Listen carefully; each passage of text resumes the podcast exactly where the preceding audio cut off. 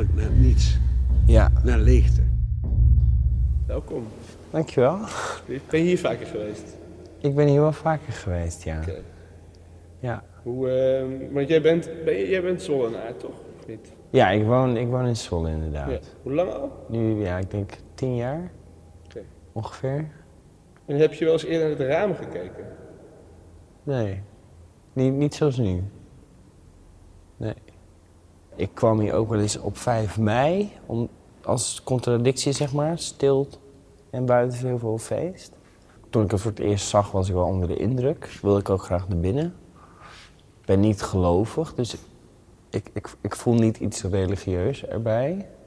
Maar ik heb hier wel mooie dingen beleefd. Een concert, een symposium.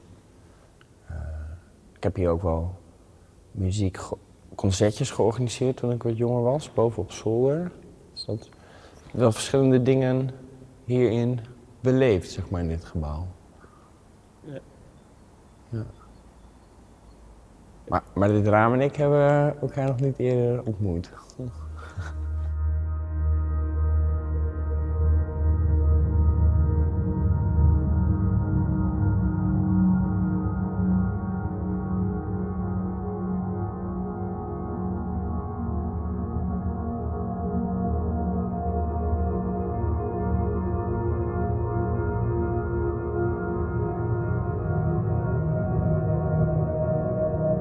Klassenlood trekt dat sowieso als eerste de aandacht, omdat, omdat, dat, omdat er licht doorheen valt.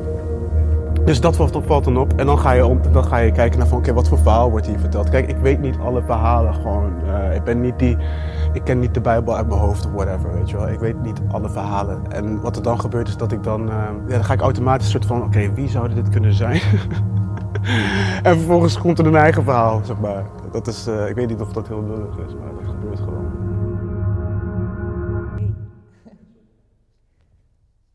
Hi. Eh, ik ben Danielle, ik ben 29 jaar en ik ben geboren in Lelystad. Op mijn 20ste ben ik naar Zwolle gekomen eh, om te studeren aan Artes, Illustration Design. En daar ligt mijn passie nog steeds. Ik ben heel veel bezig met illustratie en vormgeving. Maar het liefst maak ik collages en dat ben ik nu ook aan het doen.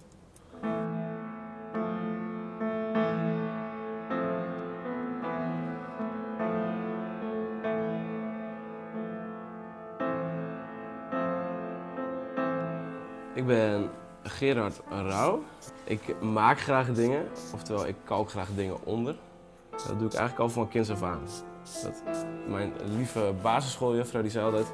Gerard hartstikke lieve jongen. Ziet alleen alle vogeltjes buiten vliegen en heeft altijd een stift in handen. En dat is eigenlijk nooit veranderd. Mocht ik in een vergadering zitten op school, ik geef ook les. Maar eigenlijk altijd wel ondertussen aan het tekenen. Ik eh, maak nu mijn interpretatie op schilderij van Thomas van Aquino. Eh, omdat de Dominicanenkerk heeft ook wel in de volksmond de bijnaam de Thomaskerk. Thomaskerk is gebaseerd op eh, Thomas Aquino. De Italiaanse denker, filosoof.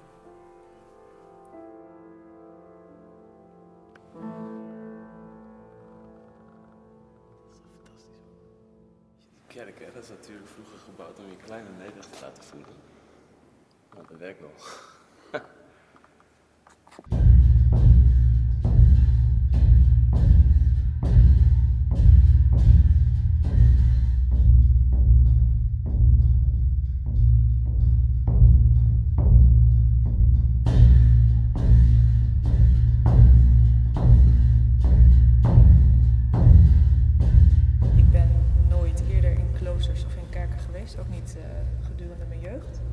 Ben hier één keer eerder binnen geweest, een paar jaar geleden, dus dat eh, eigenlijk ook al een tijdje terug.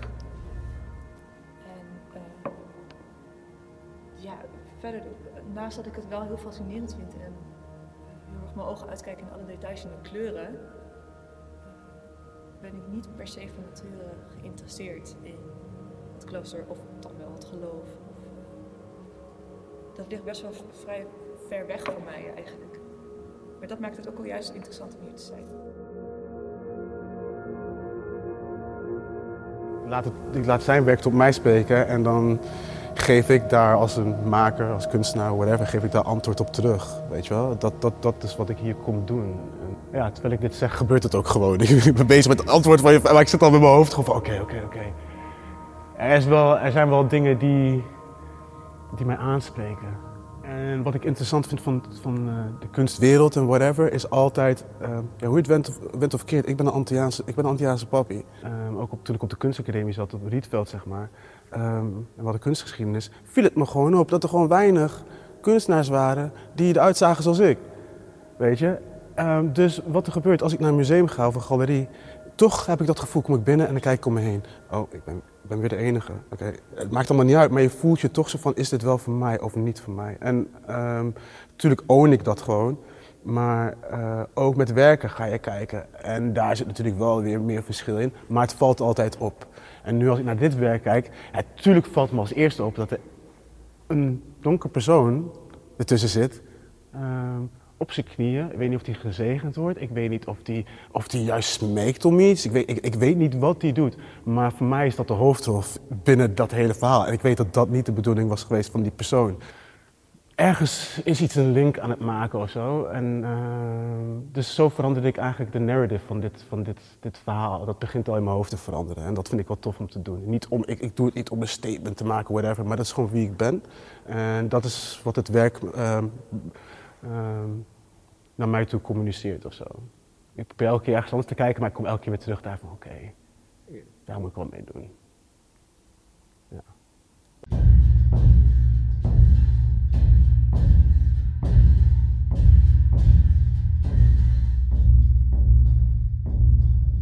Thomas van Aquino, dat hij eh, een soort van, nou, als missie weet ik niet, maar dat hij eh, de brug legde tussen filosofie en christendom. Nou, dat heb ik opgezocht. Hij was natuurlijk filosoof, Italiaanse filosoof, en hij was eigenlijk eh, enorm geïnspireerd door Aristoteles. Wat weer, nou ja, misschien de eerste filosoof was die het empirisme aanhing. Dus zeg maar, je hebt, je hebt de waarneming, empirische waarneming, dus wat je, wat je ziet, wat je ruikt, wat je voelt, alles wat tastbaar is eigenlijk. De vertaalslag tussen wat je ziet en hoe je dat verwerkt in de hersenen, dus met het verstand. Daar was volgens Aquino was daar, eh, het, het geloof voor nodig. Dus zeg maar om die interpretatie te kunnen maken. En later natuurlijk had je bij de Britten had je het empirisme. En dat is volledig gebaseerd op empirische waarneming. Wist je niet?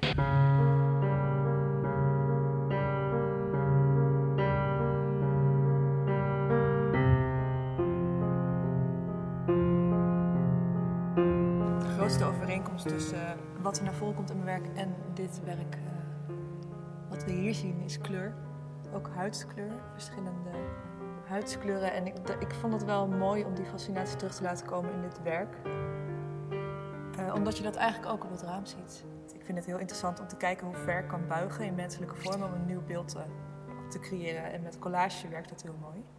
Ik kijk tegelijkertijd naar de compositie terwijl ik aan het werken ben en welke menselijke vormen op elkaar aansluiten. En in dit geval koos ik voor een gezicht.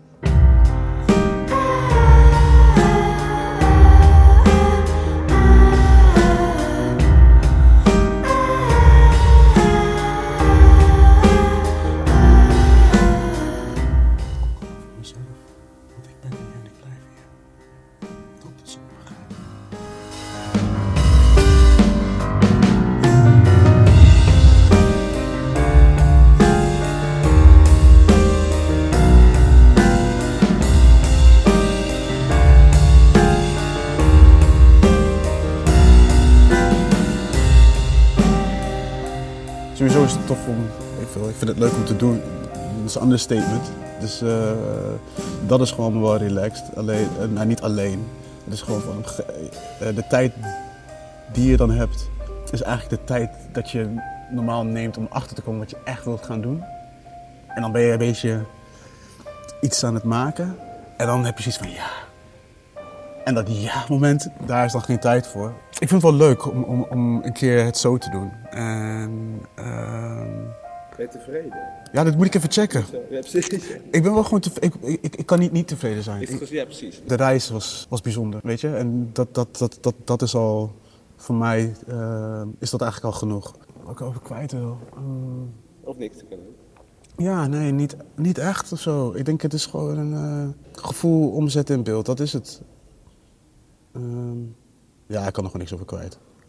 Het moet, van, het moet voor zichzelf spreken uiteindelijk, weet je.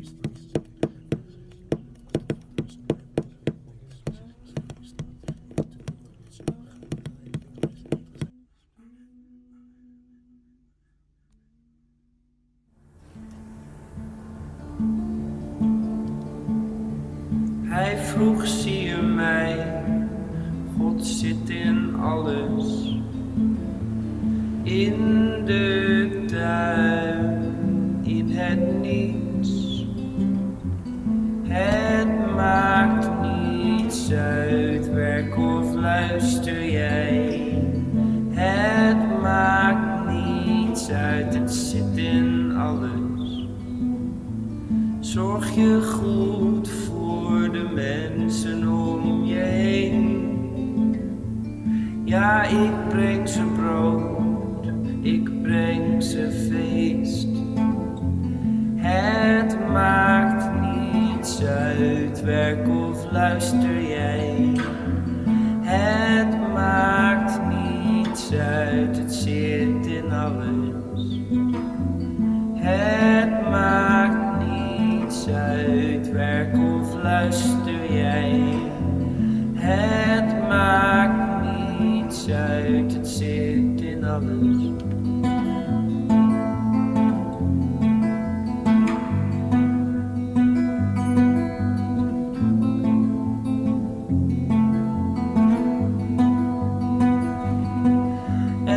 keek omhoog, rode maan, volle maan, onrustig hoofd en de wind was net weer gaan liggen. Ja, hij keek omhoog, rode maan, volle maan, onrustig hoofd terwijl de wind net weer was gaan liggen.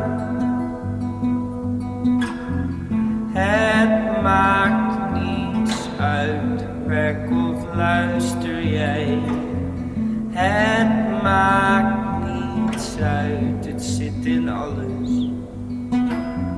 Het maakt niets uit, werk of luister jij. Het maakt niets uit, het zit in alles.